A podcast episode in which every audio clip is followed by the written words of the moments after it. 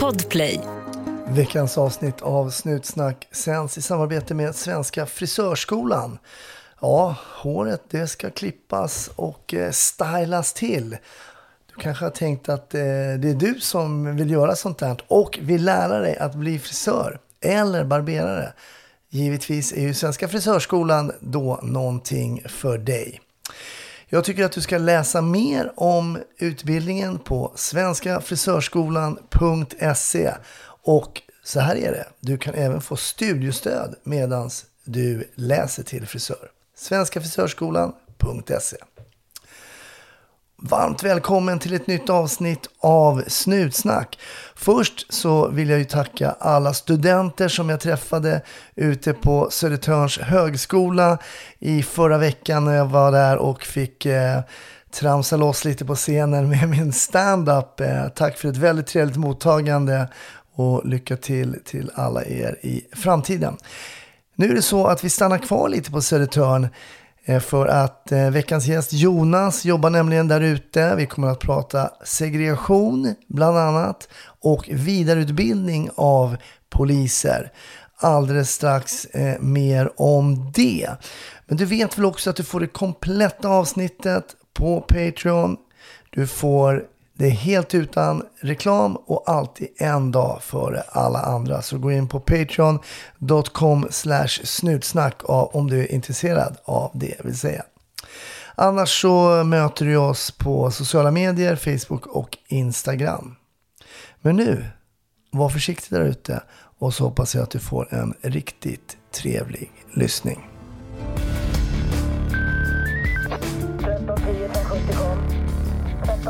1310 Odengatan kom. Ja, det är uppfattat. Vi tar det. Slut. Bra. Klart slut. Välkommen till Snutsnack Jonas. Tack. Eh, Vi har suttit och pratat här lite innan. Eh, Du jobbar inte som polis. Nej, Nej, men du finns bland studenterna ute på Södertörn. jag finns i det polisiära kan man finns i säga. det polisiära. Berätta vad du gör i det polisiära. Eh, jag- vad har du för, du, för du har en... Vi har setts förut Ja, nämligen. det gjorde vi. Vi, vi sågs på i P4 för ett antal år sedan. Vi pratade om stadsfejder och vi och dem. Precis. Och det är väl lite det som jag också forskar i på olika sätt. Ja. Men framförallt det här med eh, segregationsfrågan Ja. är väldigt aktuell i min forskning. Varför liksom vi gör skillnad mellan platser, grupper, människor i samhället. Och jag är sociolog och lektor i socialt arbete på Södertörns högskola. Mm. Men också verksam vid eh, institutionen för polisiärt arbete. Där jag undervisar på grundutbildningen för poliser, på polisprogrammet. Men är också med i verksamhetsutvecklingen av, eh, det polisiära arbetet och jag håller just nu på med att eh, jobba fram kurser som är kandidatkurser men också på sikt magisterkurser i polisiärt arbete där tanken att yrkesverksamma poliser ska komma tillbaka till, till utbildningen och vidareutbilda sig och förkovra sig i både teorier och kunnande kring det polisiära arbetets ja, utmaningar och möjligheter. Mm, intressant. Vi ska komma till det givetvis. Men jag tänkte vi ska backa bandet. Jag tror det var åtta år sedan som Marika hade då Marika P4. Jag var hennes sidekick där. Och då pratade vi om de här, eh, det var ju lite mer tillbaks i tiden så att säga, om fejder mellan eh, ja, städer och det som uppstod liksom att man hade, ja, nu, jag skämtar nu lite men man tänker Stockholm och Göteborg idag, vi inga fejder. Men det har alltid funnits de här eh, liksom historiskt sett att man har hyst agg mot kanske en annan stad och sådär. Om vi tittar historiskt, har, har, det, har det här alltid funnits egentligen? Ja, jag skulle nog säga att det har alltid funnits i olika liksom, aspekter och proportioner och sådär. Och jag, jag tror det handlar mycket, jag vet vi snackade om det då också, det handlar mycket om att för att skapa en slags egen identitet eller gemenskap så måste man ibland ha någonting liksom, en motsats att bygga det här på. Också för att förstärka då den egna identiteten eller gemenskapen. Och, och det kan ju vara mellan städer, det kan vara mellan liksom olika stadsdelar, Södermalm, Östermalm till exempel. Och, och vad man associerar med det här. För det som händer är ofta att man bakar in massa föreställningar i det här. Där liksom det här vi och dem blir en slags liksom uppdelning där det här är domgruppen. Det är någonting vagt där borta som man liksom gör schabloner av eller stereotyper av och så vidare. Och det här liksom också lever vidare på olika sätt. Och det kan ju vara liksom massa olika sätt i vardagen och ganska liksom, ska man säga, oförargligt. Men det kan också vara liksom mer allvarliga toner så att säga. Men ligger det här, eh, ligger det här i, i människans natur? Att liksom behöva ha det här vi, alltså vi är ju bäst såklart. Vi som bor här och vi som eh, är på det här sättet och har det här kulturella sättet, vi gör det så här. För är det i vår människas natur att skapa en, en bild av en homogen grupp kanske i, ja, av olika typer liksom. Det kan ju vara religiöst eller kulturellt också men tror du att det ligger i vår mäns- mänskliga natur? Ja, någon, någonstans tror jag det gör det. Och, och eh, nu i dagarna så kom jag ut med en, en ny bok faktiskt som heter Segregation, en viktig samhällsfråga som är anpassad för högstadieelever. Okej. Mm. Och eh, den inleds med en frågeställning som är varför lever vi bara inte i ett enda samhälle där alla trivs och har det bra? Och det. det, är en ganska enkel fråga på ett sätt. Varför, gör vi inte det för? Men jag tror att det ligger i vår natur på något sätt att, att vi liksom är i behov av olika gemenskaper. Och för att då liksom hitta den här gemenskapen, identiteten, så behövs det någonting som att bygga den mot. Så att säga. Och, och s- sen... Ja, jag tror det här har funnits i, som sagt i alla tider på olika sätt. Sen kan man ju liksom tycka det är bra eller dåligt. Det beror ju på. Men- Men jag tror att vi måste också förstå att det här ligger tror jag, i, i människans natur. Att gruppera sig, att liksom hitta sin liksom, grupp. A- Att finna en tillhörighet till. Mm. Vi pratade lite, lite innan här och du och jag är ju, ja men vi är väl i stort, vi får väl kallas för jämngamla. Vi är plus 50 båda två. Yes. Och, eh, vi har ju varit med lite mer förr än ja, de som är 15-20 då. Eh, eh, när jag växte upp och du växte upp, då såg det ju helt annorlunda ut. Och jag berättade för dig innan här, det här kanske man inte kan tro kära lyssnare, men jag blev ju jagad genom Gamla stan av skinheads på min tid och fick också stryk en gång på Skanstulls eh, busshållplats för att jag då var svartskalle. Och då kan man ju förstå att det kanske Stockholm såg lite annorlunda ut då. Det här är ju i början på 80-talet då. Eh, och då var ju då var det ju juggar, några stycken. Min bästa kompis var italienare, jag tysk. Man kanske såg mer ut som en italienare än en klassisk tysk. Eh, och det var ju de som var invandrarna egentligen. Men sen har det ju hänt så himla mycket sen dess. Och det tror jag är också en viktig eh, bit att ta med sig. Det här vad, vad som har hänt. Och men också förstå det förflutna. Men också hur det liksom står i en slags förbindelse till idag. Att olika grupper ställs mot varandra. De som var invandrare inom citationstecken för 40 år sedan är inte samma grupper som idag. Nej. Utan, och men också, ta bara alla finländare som kom under 60-70-talet. Ja. Som var invandrarna. De, de var liksom annorlunda, de var avvikande, de var konstiga. Idag är det helt annorlunda. Idag är det andra grupper som får representera det här avvikande, annorlunda på olika sätt. Men som du säger, det är intressant tycker jag att fundera över vad liksom, både hur staden har förändrats men också synen på olika grupper och människor har förändrats i samband med det på olika sätt. Berätta, vad tänker du där? Ja, framförallt så har vi, har vi en annan syn på, på boendet idag till exempel. Som också tror jag är ganska relevant och intressant kopplat till det här med segregationsfrågan och var någonstans olika grupper bor i staden. För det som hände under 60-70-talet var ju det när man byggde en massa nya förorter och miljonprogram och, och hela den biten. Det var ju för att man skulle bygga fram ett nytt, mer rättvist, jämlikt samhälle. Där rätten till en god bostad liksom var en grundpelare i det här. Sen då under 70-talet när man insåg att shit, vi har byggt för mycket bostäder. Och framförallt då med miljonprogrammet där många flerfamiljshusområden i Norsborg och Södertälje och så vidare stod halvtomma. Hur ska vi lösa det här då? Ja, men som ett brev på posten så kommer det en flyktinginvandring till Sverige från Chile. Det är från eh, Turkiet, det är från eh, Iran och så vidare och framåt. Libanon. Ja, men det är perfekt. De här människorna kan ju få boende där det finns lediga lägenheter.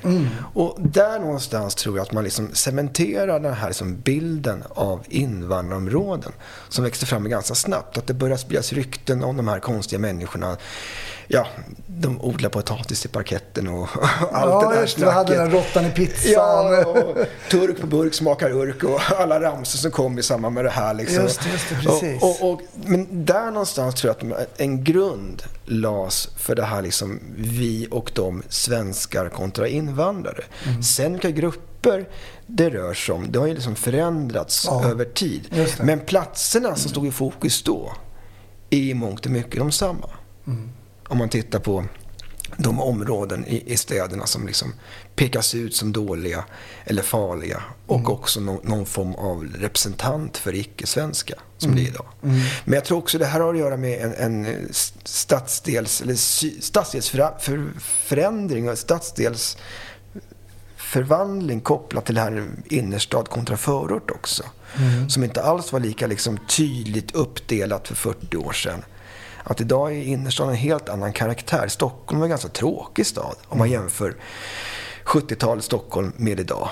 Det är liksom, gick du vid Hötorget, Sergels torg, runt omkring city på 70-talet, det var igenbommat efter sex. Mm. Ja, ja. Och så är det inte idag. Det är en mer levande stadsdel. Det är en urbaniserings, eh, vad ska man säga, livsstil.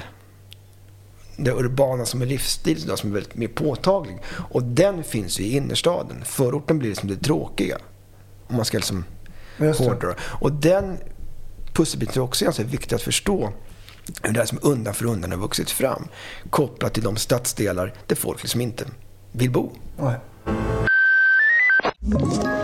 Ett poddtips från Podplay. I fallen jag aldrig glömmer djupdyker Hasse Aro i arbetet bakom några av Sveriges mest uppseendeväckande brottsutredningar. Går vi in med hemlig telefonavlyssning och, och då upplever vi att vi får en total förändring av hans beteende. Vad är det som händer nu? Vem är det som läcker?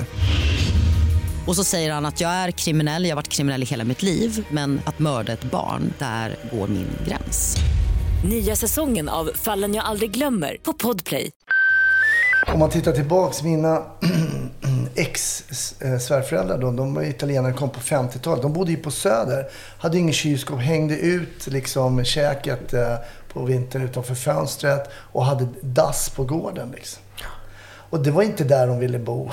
De Nej. ville ju såklart ha eh, toa och, och det här är ju inte sjukt länge sedan ändå. Nej, det är inte. Och den, jag menar, den berättelsen tror jag är viktig idag också för folk att förstå. För jag tror att den har liksom glömts bort lite. Där att människor, familjer gladligen lämnade Skånegatan, Ja. Nytorget, Bondegatan. De fick ju lägenhet i Björkhagen sen. Ja. Idyll. Ja, visst. Eller än mer, ännu större lägenhet kanske i Skärholmen eller Rågsved. Och bara tänk då att lämna den ettan med kallt vatten Visst. och utedass. Och sen får barnen egna rum plötsligt. Ja, och det är modernt kök, det är fläkt, det är badrum. Det var ju liksom fantastiskt.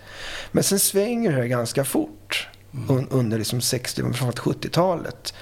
Därför att man hade ju en tanke, en planeringstanke med de här nya områdena. Att det skulle vara liksom funktionalistiskt, det skulle vara strukturellt. Det var ett centrum och runt det så byggde man massa liksom flerfamiljshus.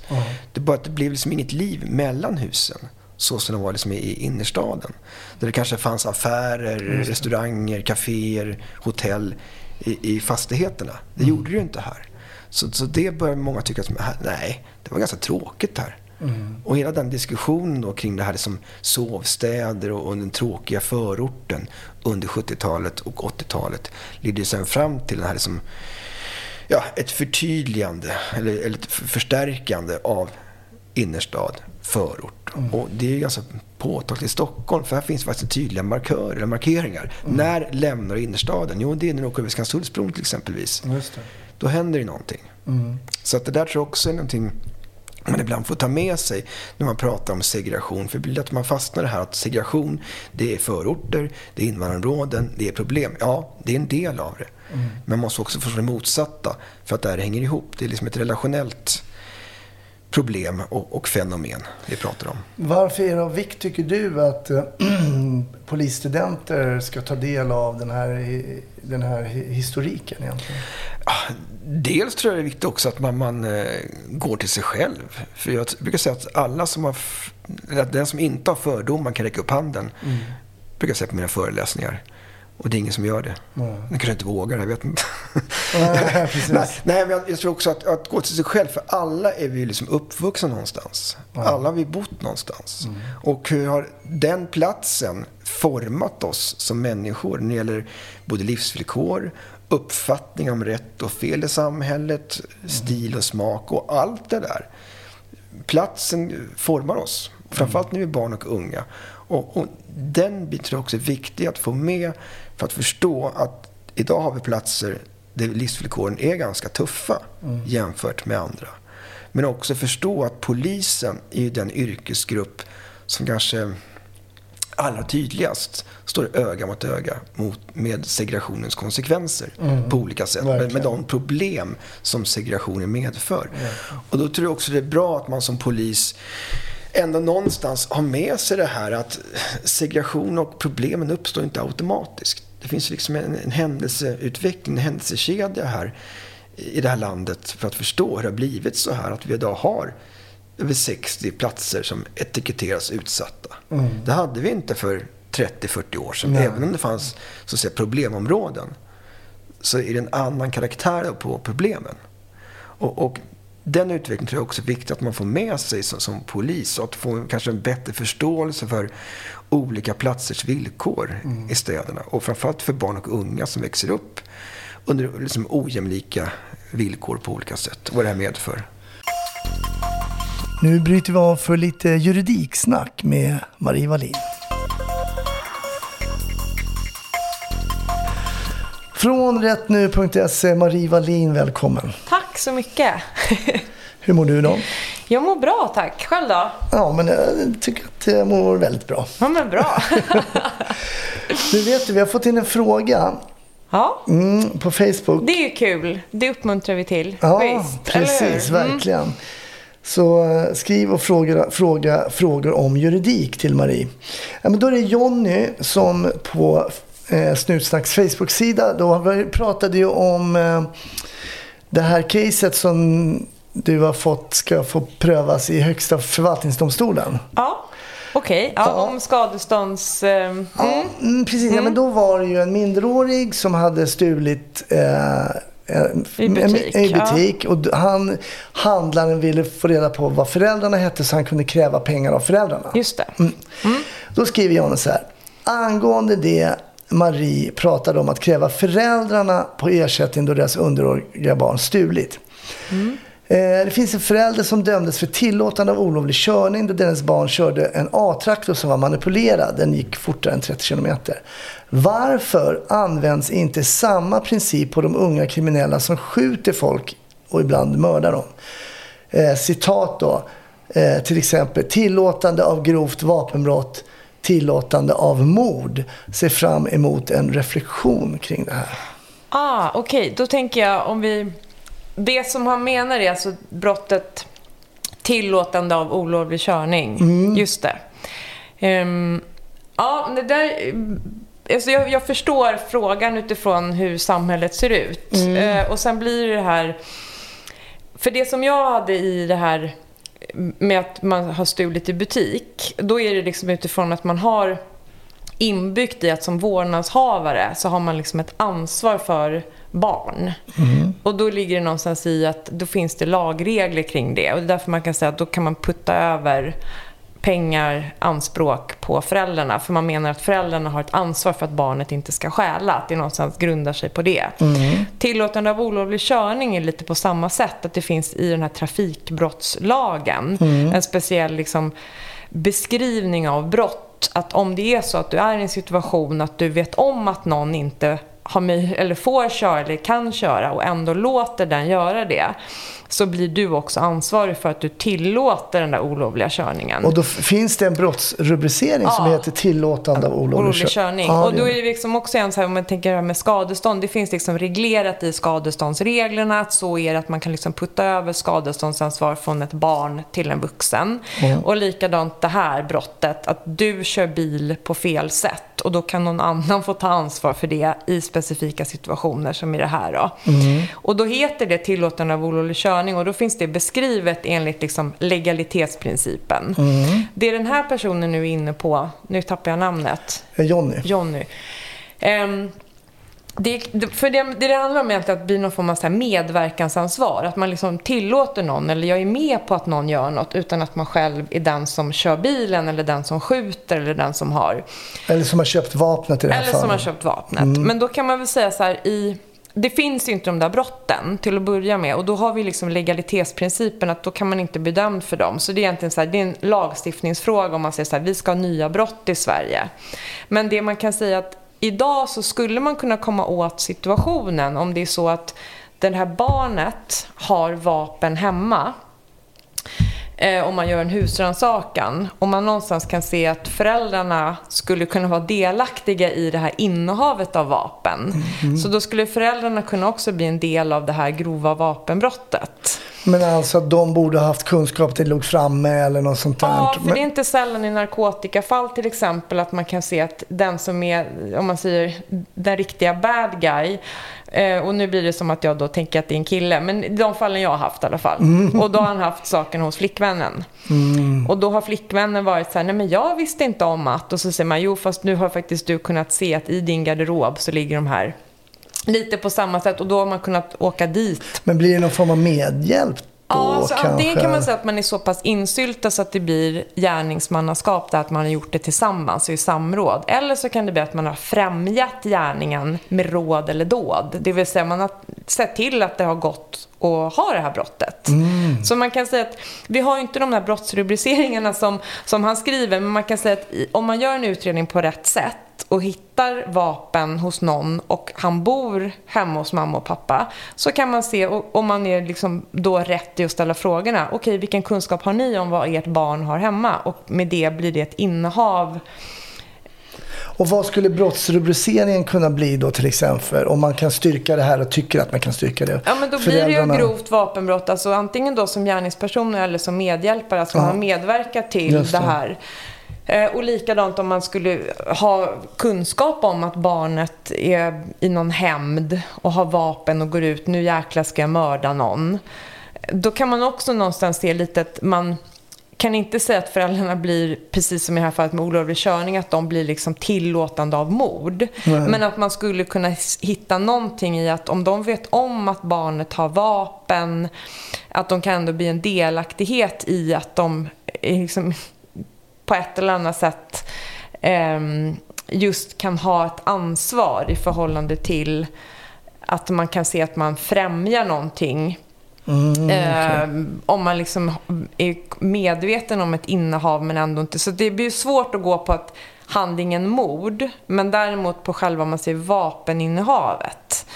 Ehm, men det här är ingenting som jag i alla fall vet att, att det är prövat eller så. Men det är lite Nej. att svara på volley på hans Absolut. inspel där. Men att det skulle kunna vara, men inte just med de där tillåtande av rubriceringarna. Nej, men jag fattar. Och när du säger legalitetsprincipen så säger du att det här till exempel, om vi säger då tillåtande av mord. Det finns ju ingenting som, det finns ju ingen Mm. Det finns inget brott, nej. Det finns inget brott. Och då, man kan, all- man kan liksom inte hitta på någonting. Nej, för det är det där som är att man kan liksom inte dömas för någonting som inte är straffbelagt. Nej, nej. Eh, för att vi ska kunna, nå- alltså det är lite som att man ska kunna kalkylera för, okej, gör jag det här, kan det finnas en konsekvens då, Mm. eller inte? Och så ska man kunna välja sina handlingar därefter. Och det här blir att gå för långt. Mm, jag förstår.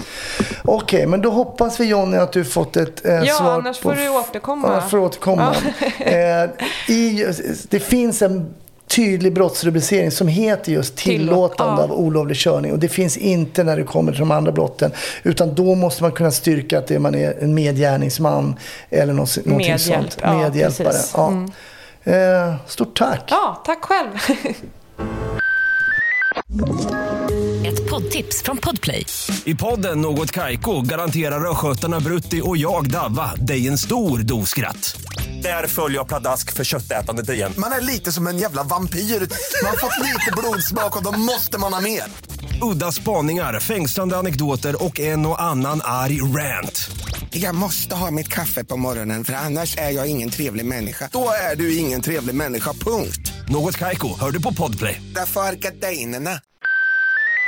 Det hände ju också någonting sen. Man fick in folk i de här områdena, fyllde upp de här lägenheterna som stod tomma och sådär. Men sen så har det ju kommit också den här flykten från områdena. Så att, att man, man helt enkelt jobbar sig ur att ta sig då kanske in närmare stan eller någonting. Att, och, vilket gör att de som inte har råd eller möjlighet blir, och man försämrar ju området ytterligare genom att lämna så att säga då. Det får kanske, men vi har haft poliser i podden som födda i andra länder och, och och så där jobbar i de här områdena. Men det är ju sällan de bor där själva. De har ju också gjort den här liksom, flykten också. Till ett då bättre område så att säga.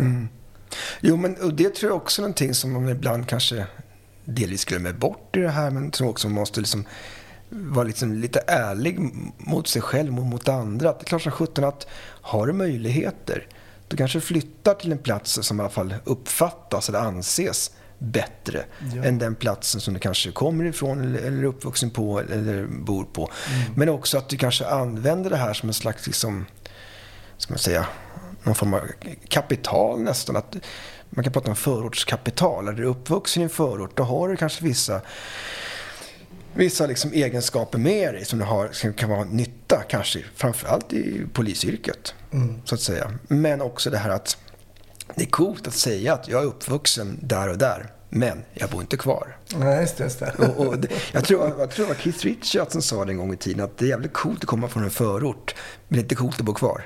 Nej, just det. Och det, man märker ju en del spelare på det. Men vadå, jag växte faktiskt upp i där och där. Oj, oj, oj. Men jag menar visst, jag växte upp i Kärrtorp. Men, men det, det var Kärrtorp då liksom. Det är inte Kärrtorp dag, idag. Eh, och sen var det inte ens Kärrtorp, det var mellan där. Men ändå, det, det, det som var som sagt, som du säger, för 30 år sedan, det är helt an, annorlunda idag. Alltså.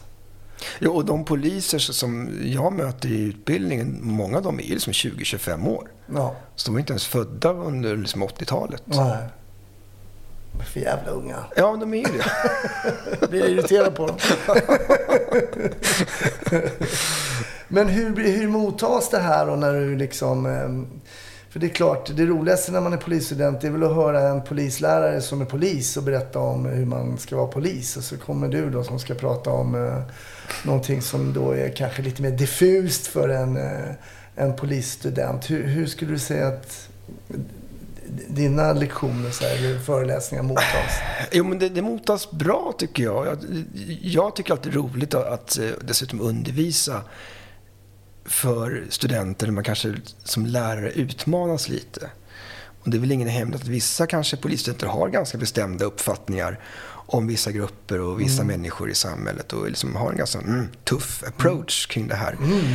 Men sen kommer de fram till mig efter ofta och säger Tack för att du berättar det här. Vad kul att få höra. Nu förstår vi mer varför för att det ser ut som det gör. Och, och det känner jag, det är skitkul att, att lämna en stor föreläsningssal och få höra det. Att man liksom, oj, det var bra. Det var kul, tack. Vi visste inte det här. Vi har inte hört, tänkt på det här liksom. Så det, det handlar inte bara för, för min del att liksom... Vilken tror du är den största väckarklockan? Eh, sådär när du, när du pratar med polisstudenter.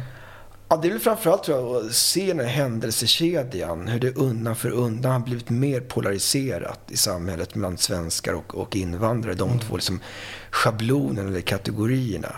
Men också den här normaliseringsprocessen, att vi liksom vi tar oss tolkningsföreträde att bara tycka till om platser, fast vi aldrig varit där. Nej, det är intressant. Och, och, och vad, det, vad det gör då med människorna som bor på de utpekade platserna. Hur det känns att liksom varje dag läsa tidningen eller se på TV eller höra om dig själv i sociala medier som, som dålig på grund av den plats du bor. Och framförallt då för de barn och unga som som växer upp idag på områd, i områden som definieras dåliga, utsatta och så vidare. Hur känns det? Och det tror jag också, man måste nog gå till sig själv där. Hur fasen skulle det kännas? Att dagligen höra det här, att du, du är dålig för du bor där. Och det som slog mig så mycket var för några år sedan, det var väldigt gripande faktiskt. Det var, jag var i Skärholmen och, och för ett, ett, utvärderingsarbete med, med forskningsprojekt och träffade några typ 15-åriga killar. Alla hade någon form av icke-svensk bakgrund. Och då började jag prata om, om Skärholmen. Det här, och de trivs jättebra där, men, men sa det är ju ett problem att det finns en problembild kring Skärholmen. Och då, då sa jag det att ja, men den bilden har ju fasen funnits sedan, sedan tidigt 70-tal. Den var liksom, Skärholmen blev symbolen för det här liksom förortsbyggandet och, och betongförorter och den kritik som kom mot det här. Och det var jättemycket problem här med både det ena och det andra på 70-talet. Och de tappade ju hakan. Och tittade på mig. Va? Menar du att det var problem här när det bara bodde svenskar här? Och de, det var ju som att de går runt och tror att det är de som är problemet. Att det är Ja. invandringen, de som har skapat problemen. Mm. Det är klart, är man 15 år och går runt med sån självbild, då blir det ganska problematiskt. Mm, då blir det svårt. Och det där slog mig och det där försöker jag liksom ta upp också för polisstudenterna, hur man ska förstå det här. För många av de barn och unga som poliserna möter i vissa områden är ju ganska liksom, de går runt och är arga och bittra på samhället.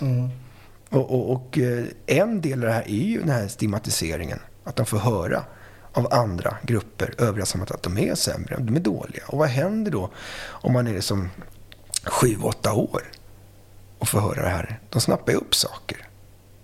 Så den, den biten tror jag också är viktigt att man för- försöker förstå vad det här gör med en ung människa på, på olika sätt. Sen är inte det liksom en, ska man säga, Ursäkt. ursäkt för, för att man begår en massa brott. Det är ju dumheter eller hitta på Nej, grejer. Eller gå med, eller Det gå med i kriminella nätverk och så. Men det, det är kanske en av flera pusselbitar som Mm. behöver förstås. Hur det här hänger ihop på olika sätt. Jag tror att ibland brukar jag tänka, jag tror vi alla skulle kunna gräva djupt och hitta en ursäkt för att begå ett brott sen som skulle låta rimligt ut från en psykologisk sida liksom. Ja, ja, men pratade om det där, jag vet inte om du sa det innan eller under inspelningen. Man är ju liksom för folk som beter sig och emot folk som inte kan bete sig och och emot folk som begår brott och gör eh, vidriga saker mot andra människor.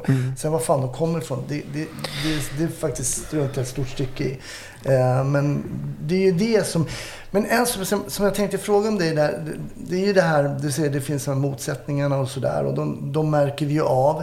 Och det finns ju någonting, precis, precis som du beskriver, det är polariserat, man säger svenskar och invandrare. Om man tittar på andra länder, man ska inte alltid titta på USA, men där har man ju lite mer så I'm, I'm Irish American, I'm Italian American eh, och så vidare och så vidare. Man är ändå American, men man har liksom, kommer från någon annanstans. För det gör vi ju alla på något sätt liksom. Det har vi inte riktigt eh, i den svenska beskrivningen. Nej, och, det, det är ju... För den luckrar ju upp lite Jo, men grann. det, det gör ju det. Och, och just det här man, man kan liksom man måste liksom avdramatisera lite att man, man kan vara svensk-turk, man, man kan vara svensk-grek, man kan vara svensk-iranier. Ja, men precis. men, men det sen definieras så att man är liksom, du är invandrare. Just det, precis. ja. Och, och eh, det vet jag inte riktigt vad det beror på egentligen, men jag tror en, en förklaring är väl den här liksom tanken som var för 50-60 år sedan med mer någon form av liksom assimileringstanke. Att invandrare som kom till Sverige, då arbetskraftsinvandrare från Finland, Grekland, Italien och så vidare, skulle liksom, de skulle bli svenskar i det här nya Mm. Folkhemmet ju som, som växte fram. Ja. Och någonstans tror jag vi är fast i den här förenklade svenskar kontra invandrare. Vi har haft också, också haft en ganska skev självbild om att alltså blir du svensk så blir du bäst också. Vi har ju det bästa, vi är ju liksom bäst på ja, men kolla välfärdssamhället vi har byggt upp här nu och så vidare och så vidare. Och att vara svensk är ju att vara liksom den ultimata världsmedborgaren och det kanske steg oss åt huvudet ett litet tag. Jag, jag, jag, Ja, jag, jag kanske överdriver lite grann. Ja, men men, det, ligger lite i det tror jag. Och just det att, att det finns en självbild av att i, Sverige så sköter vi oss här liksom. Absolut. Här uppför vi oss. Vi gör rätt för Vi oss. gör rätt för oss. Vi gör inga dumheter. Och jag, jag tänker bara oftast på det här som hände med Ludmilla Engqvist. Ja, hon när, hon, när hon vann OS-guld och blev årets svensk. Och det var, hon var verkligen svensk. Och sen torskade hon för doping några år senare. Hon åkte bob. Var- Varför man dopar som åker bob, det vet jag inte. Nej, det, det är ganska men, men, men i alla fall, orimligt. hon känns- dopade sig och torskade för det. Och då blev hon Lud, vet du, ryskan Ludmilla. Så att man, man, man, vill, man ville förstärka det här bra med, med, att, Ah, med det här. Så att, men sen tror jag också vi vi liksom låst fast oss i det här. För det tror jag också är någonting man, man vad är svenskt egentligen? Mm. När är man svensk? När, när, när kan man anses som svensk? Och vart Mm. går gränsen här mellan de här två liksom, schablonerna, kategorierna Mm. svensk invandrare? Och, och med med att bara själva begreppet invandrare har ju nästan använts som ett generellt folkslag.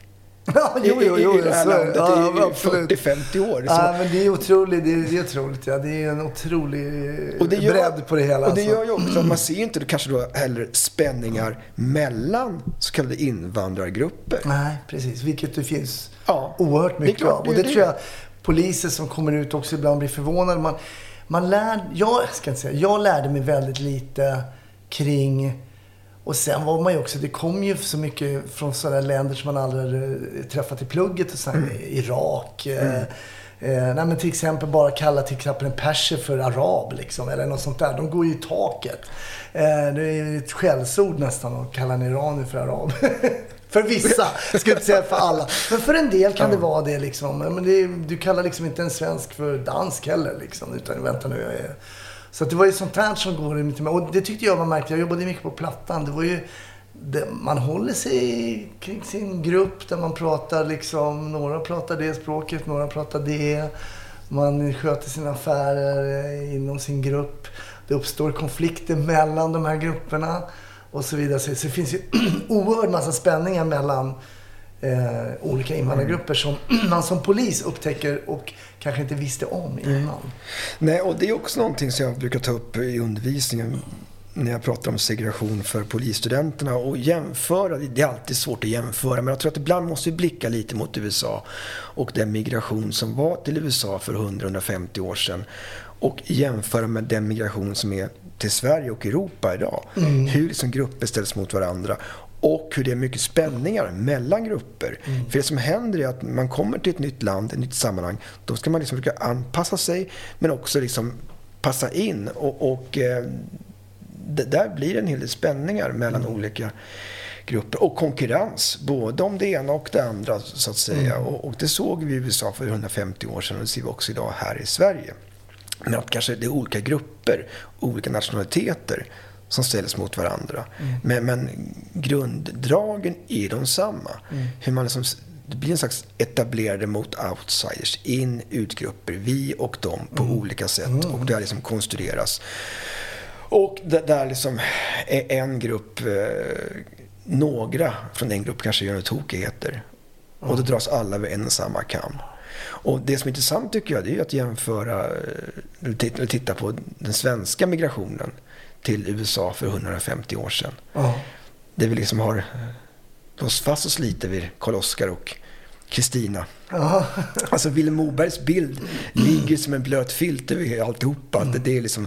Men det var ju den goda, Ja, men det- den fina svensken Och det, som det är inte det som går i arv i det här. Det här en, planterar men- äppelträdet. Ja, men liksom. precis. Och bygga ett hus med bara händer liksom. Och, och vara hel, ren och nykter och allt det där. Det, det, vi är skötsamma. Men så var det ju inte för de flesta. Många svenskar som kom till USA hamnade i Chicago eller i Minnesota eller, eller i andra städer och, och liksom hamnade i, i slumområden. Och många italienare, irländare såg ner på svenskarna som jävligt konstiga. De luktade illa, pratade konstigt, hade annan hårfärg, var allmänt konstiga. Så att det här går igen. Fast det är olika platser, olika tider. Och det tror jag också är viktigt att förstå hur det här liksom är en slags... Vi pratade tidigare om det här, ligger det här i, i vår natur? Ja, men det kanske gör det på ett sätt.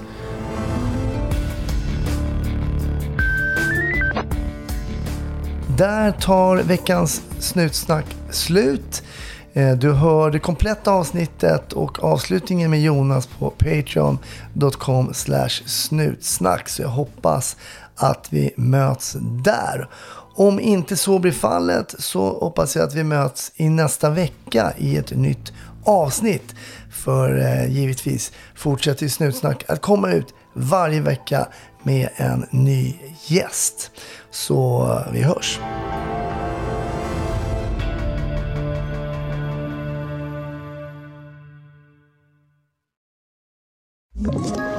Ett poddtips från Podplay. I fallen jag aldrig glömmer djupdyker Hasse Aro i arbetet bakom några av Sveriges mest uppseendeväckande brottsutredningar Går vi in med hemlig telefonavlyssning och, och då upplever vi att vi får en total förändring av hans beteende. Vad är det som händer nu? Vem är det som läcker? Och så säger han att jag är kriminell, jag har varit kriminell i hela mitt liv men att mörda ett barn, där går min gräns. Nya säsongen av Fallen jag aldrig glömmer på Podplay.